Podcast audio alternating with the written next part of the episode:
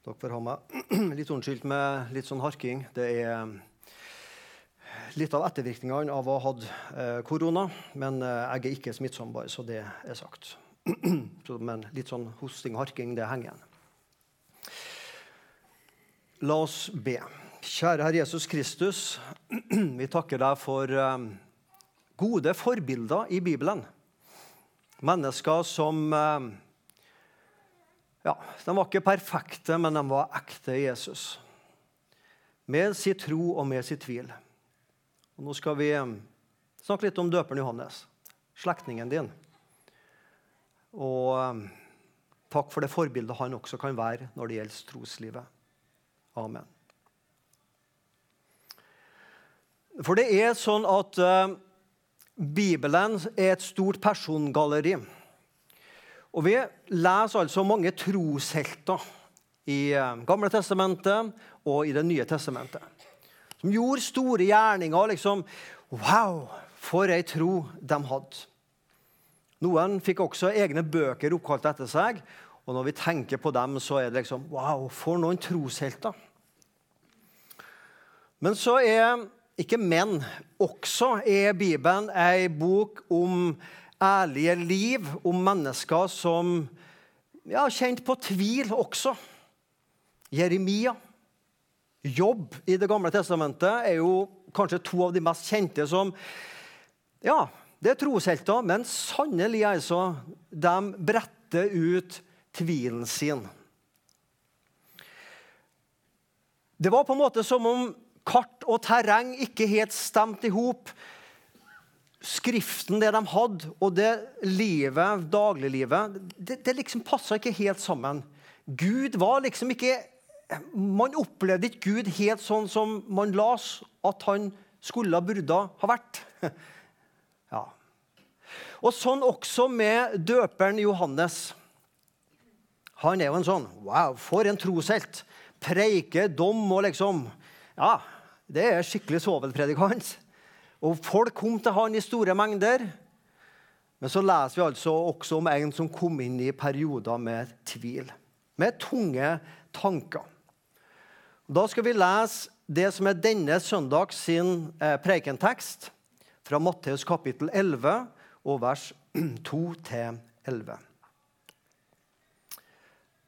Da når Johannes i fengselet fikk høre om Messias sine gjerninger, sendte han bud med sine disipler og spurte ham er du den som skal komme, eller skal vi vente en annen.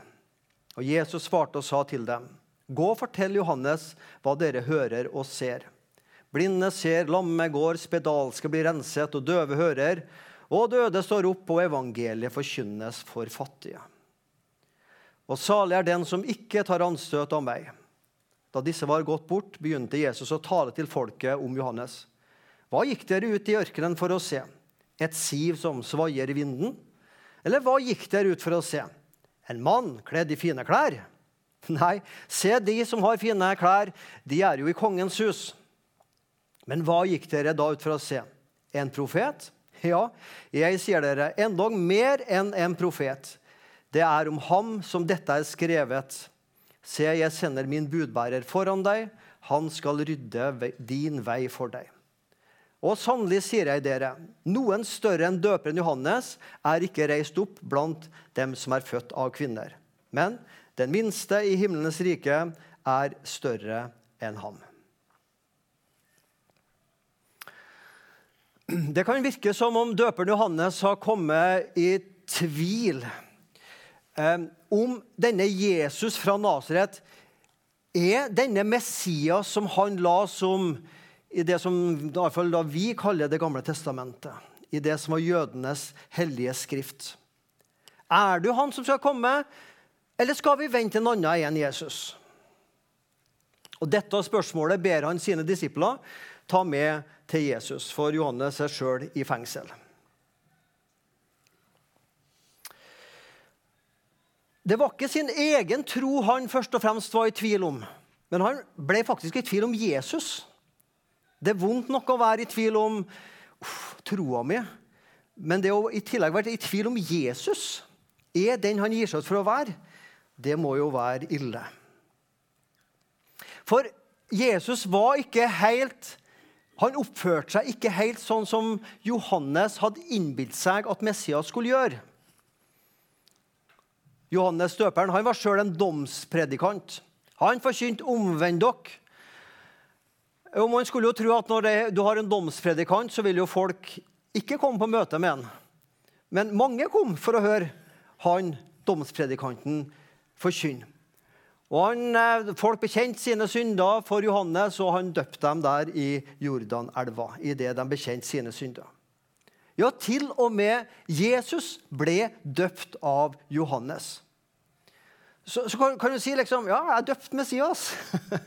Folk kommer til meg. Og så blir han fengsla, tilsidesatt, og kommer inn i mørke tanker og tvil. Kanskje hadde Johannes håpa at Jesus skulle overta der han slapp. At Jesus også kunne være en sånn domspredikant som liksom Nå skal vi ta folket her, altså. Måten de lever på, snakker på og gjør. Nå skal vi ta dem. Nei, og så begynner Jesus å forkynne om Guds rike, om tilgivelse og forsoning. Og så Kanskje var Johannes litt skuffa over Jesus sin forkynnelse. Han fikk høre om Messias sine gjerninger. Gå og fortell Johannes hva dere hører og ser. Ja, hva er det de fikk opplevelse? oppleve? Helbredelser, demonutdrivelser Hele Jesu liv og virke opplevde Johannes eller hans disipler å kunne fortelle om. Gå og fortell døperen hva dere hører og ser. Blinde ser, lamme går omkring, spedalske blir renset, døve hører, og døde står opp, og evangeliet forkynnes for fattige. Det er det Johannes så litt av, og hans disipler sikkert så mer av. Gå og fortell hva dere har opplevd, hva dere har sett, og hva dere hører. Ja, Det er som om Jesus vil si til disiplene til Johannes Når dere nå går tilbake til Johannes, fortell om det som Johannes også har opplevd. At han ikke må glemme du må ikke glemme, Johannes, det du har opplevd med meg. Og akkurat det der, der tror jeg vi trenger også å legge oss på sinne. Og ikke glem Min sjel, lov Herren. Og glem ikke alle hans velgjerninger. Det var litt av ei lang liste med velgjerninger her. Skal vi prøve oss om vi har opplevd det? Blinde ser, jeg har ikke sett så mye av det, jeg, men lamme går. Hm. Spedalsk blir renset. Jeg har sett en spedalsk en gang, men uh, ikke så mange som er spedalsk lenger nå. da. Døve hører. Døde står opp. Noen som opplevde det? Nei. Evangeliet forkynnes for fattige. Ja, det har jeg opplevd.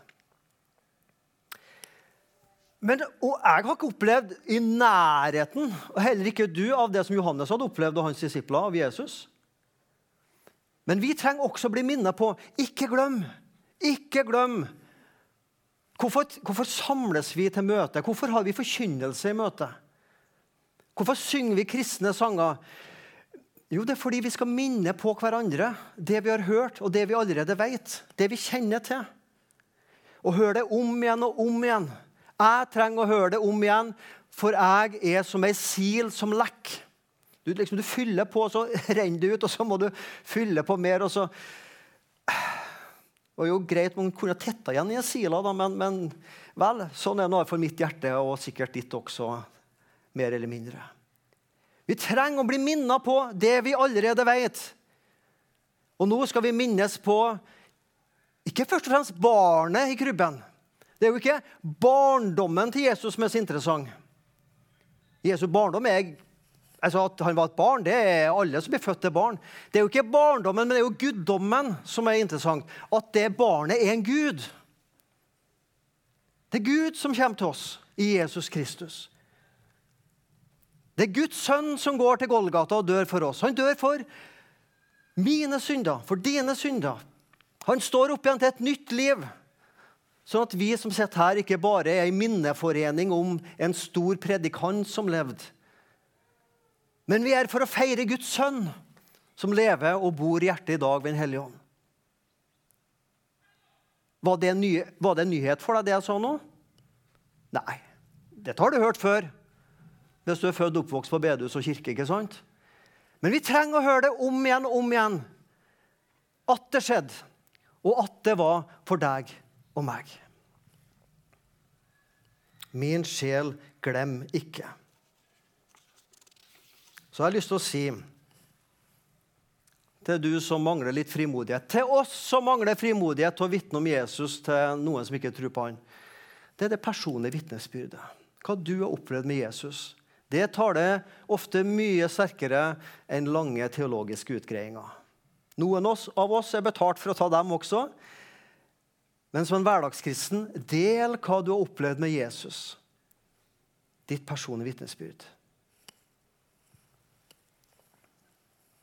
Evangeliet forkynnes for fattige. Jesus kom ikke til jorda for å dømme verden, men for å frelse og gjenopprette det som synda hadde ødelagt. Sykdom, skrøpelighet, det følger menneskeslekta etter syndefallet. Da Jesus kom, så fikk verden se Guds rike i funksjon, og hva som kan skje der Gud får bestemme. Sjuke blir friske, bundne blir satt i frihet. Fattige syndere får sine synder tilgitt. Og et gjenoppretta forhold til himmelens og jordens skaper. Vi trenger å høre det om igjen, om igjen, om igjen. Glem ikke, glem ikke. Og salige er den som ikke tar anstøt av meg. Vi er vant med å se Jesus på korset. Vi har sett det så mye at vi kanskje ikke tenker på egentlig hvor rart det var. At folk ble hengt på kors på den tida, det, det, det skjedde. Jesus var ikke den eneste. Uh, det var hundretusenvis av mennesker som romerne korsfesta i løpet av noen hundre år. Så det var ikke spesielt med at Jesus hang på korset. Men det var av de hundretusenene så var det kun en som sto opp igjen. Det var jo veldig spesielt. Det er Jesus. Men at Jesus som Guds sønn henger der, og at han henger på forbannelsens tre, det ble for voldsomt for jødene. Det ble for dumt for de filosofiske grekerne. Noe så teit og dumt, det kan vi ikke tro på. Hvordan er det i dag? Et lite, nusselig barn er i krybbe. Det er greit å forholde seg til. Men å snakke om han som ble en voksen mann, og som gikk til korset for å dø for mennesket sine synder Nei takk. La meg få beholde barnet, men ikke han som hang på korset. Det ligger et anstøt, men for oss som tror på det, så er det Guds kraft til frelse. Ja, Så lurer du på hvorfor all verden er denne døperen Johannes med i advent. Og jeg har sett på søndagstekstene for eh, det er tre år, sånn en runde. Og han er med på tredje søndag i advent tror jeg, alle åra. Hvorfor all verden er døperen Johannes med i advent? For det første så står ikke noe om advent i Bibelen. Det står om jul og påske og pinse. ikke sant?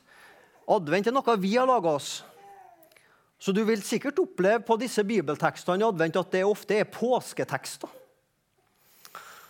Men det er jo en grunn til at døperen Johannes er der.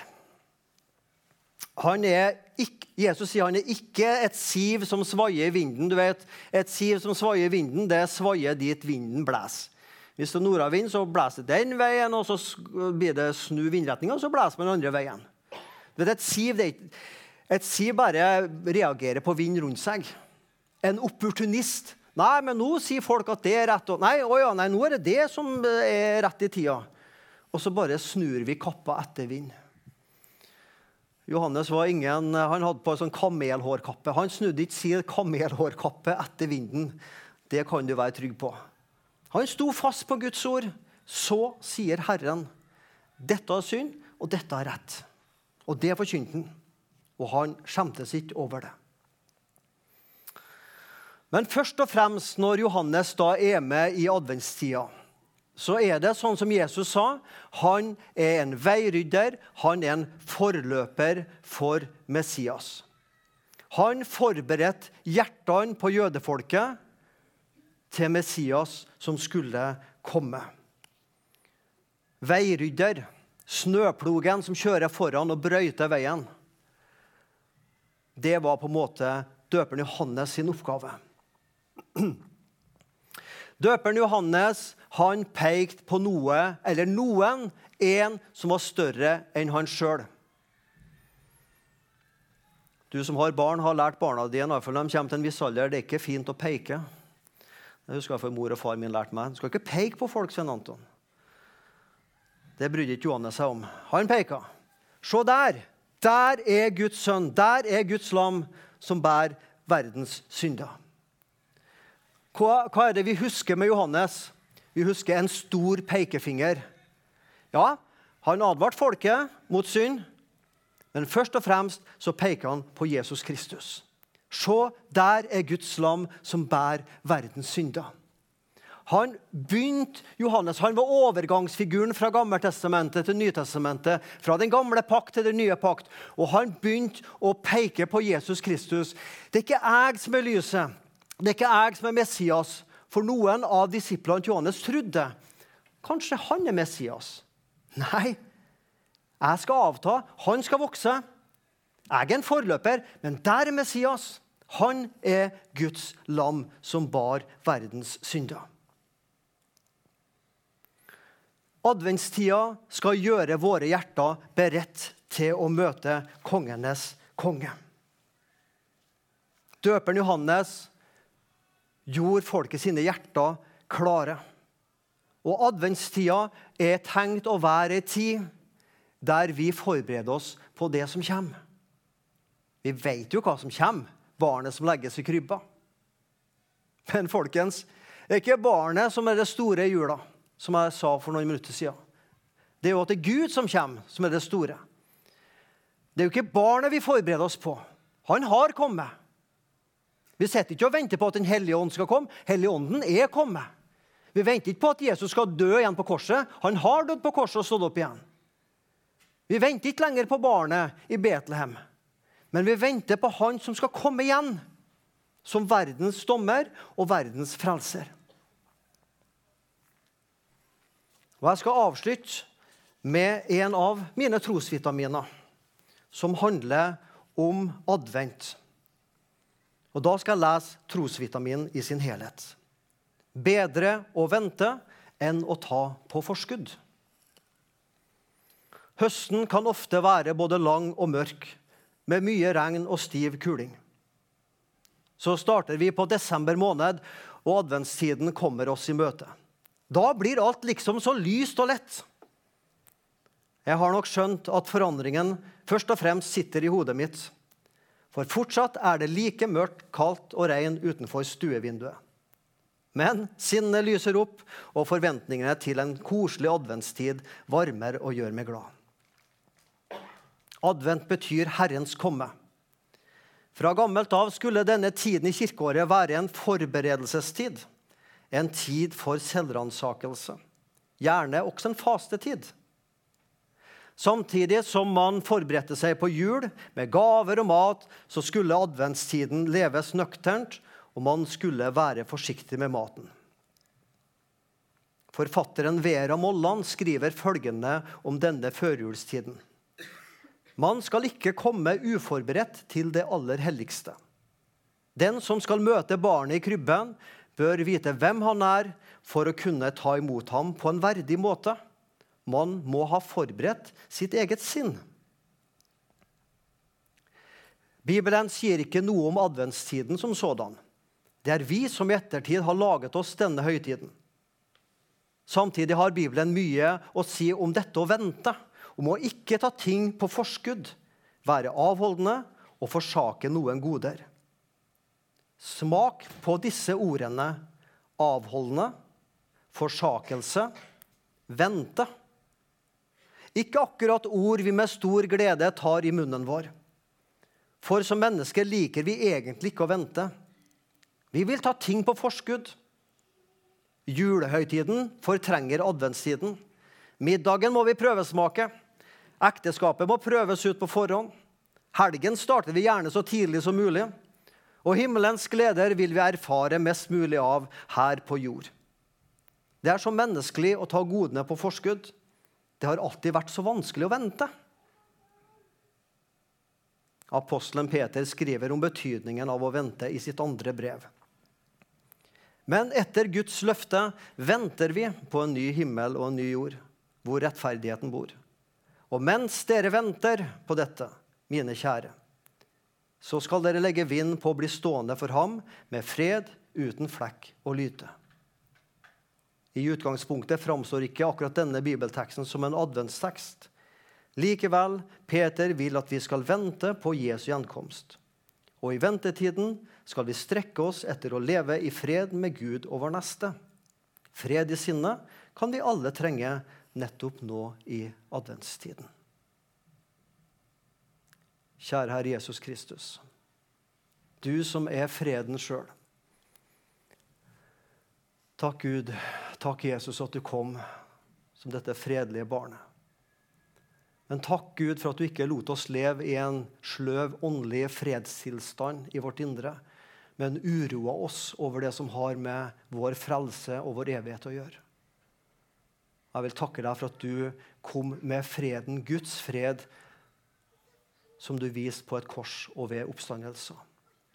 Jeg ber Jesus for denne adventstida, for meg og oss alle som er her. At vi må leve i forventninga hver dag at en dag så kommer du igjen.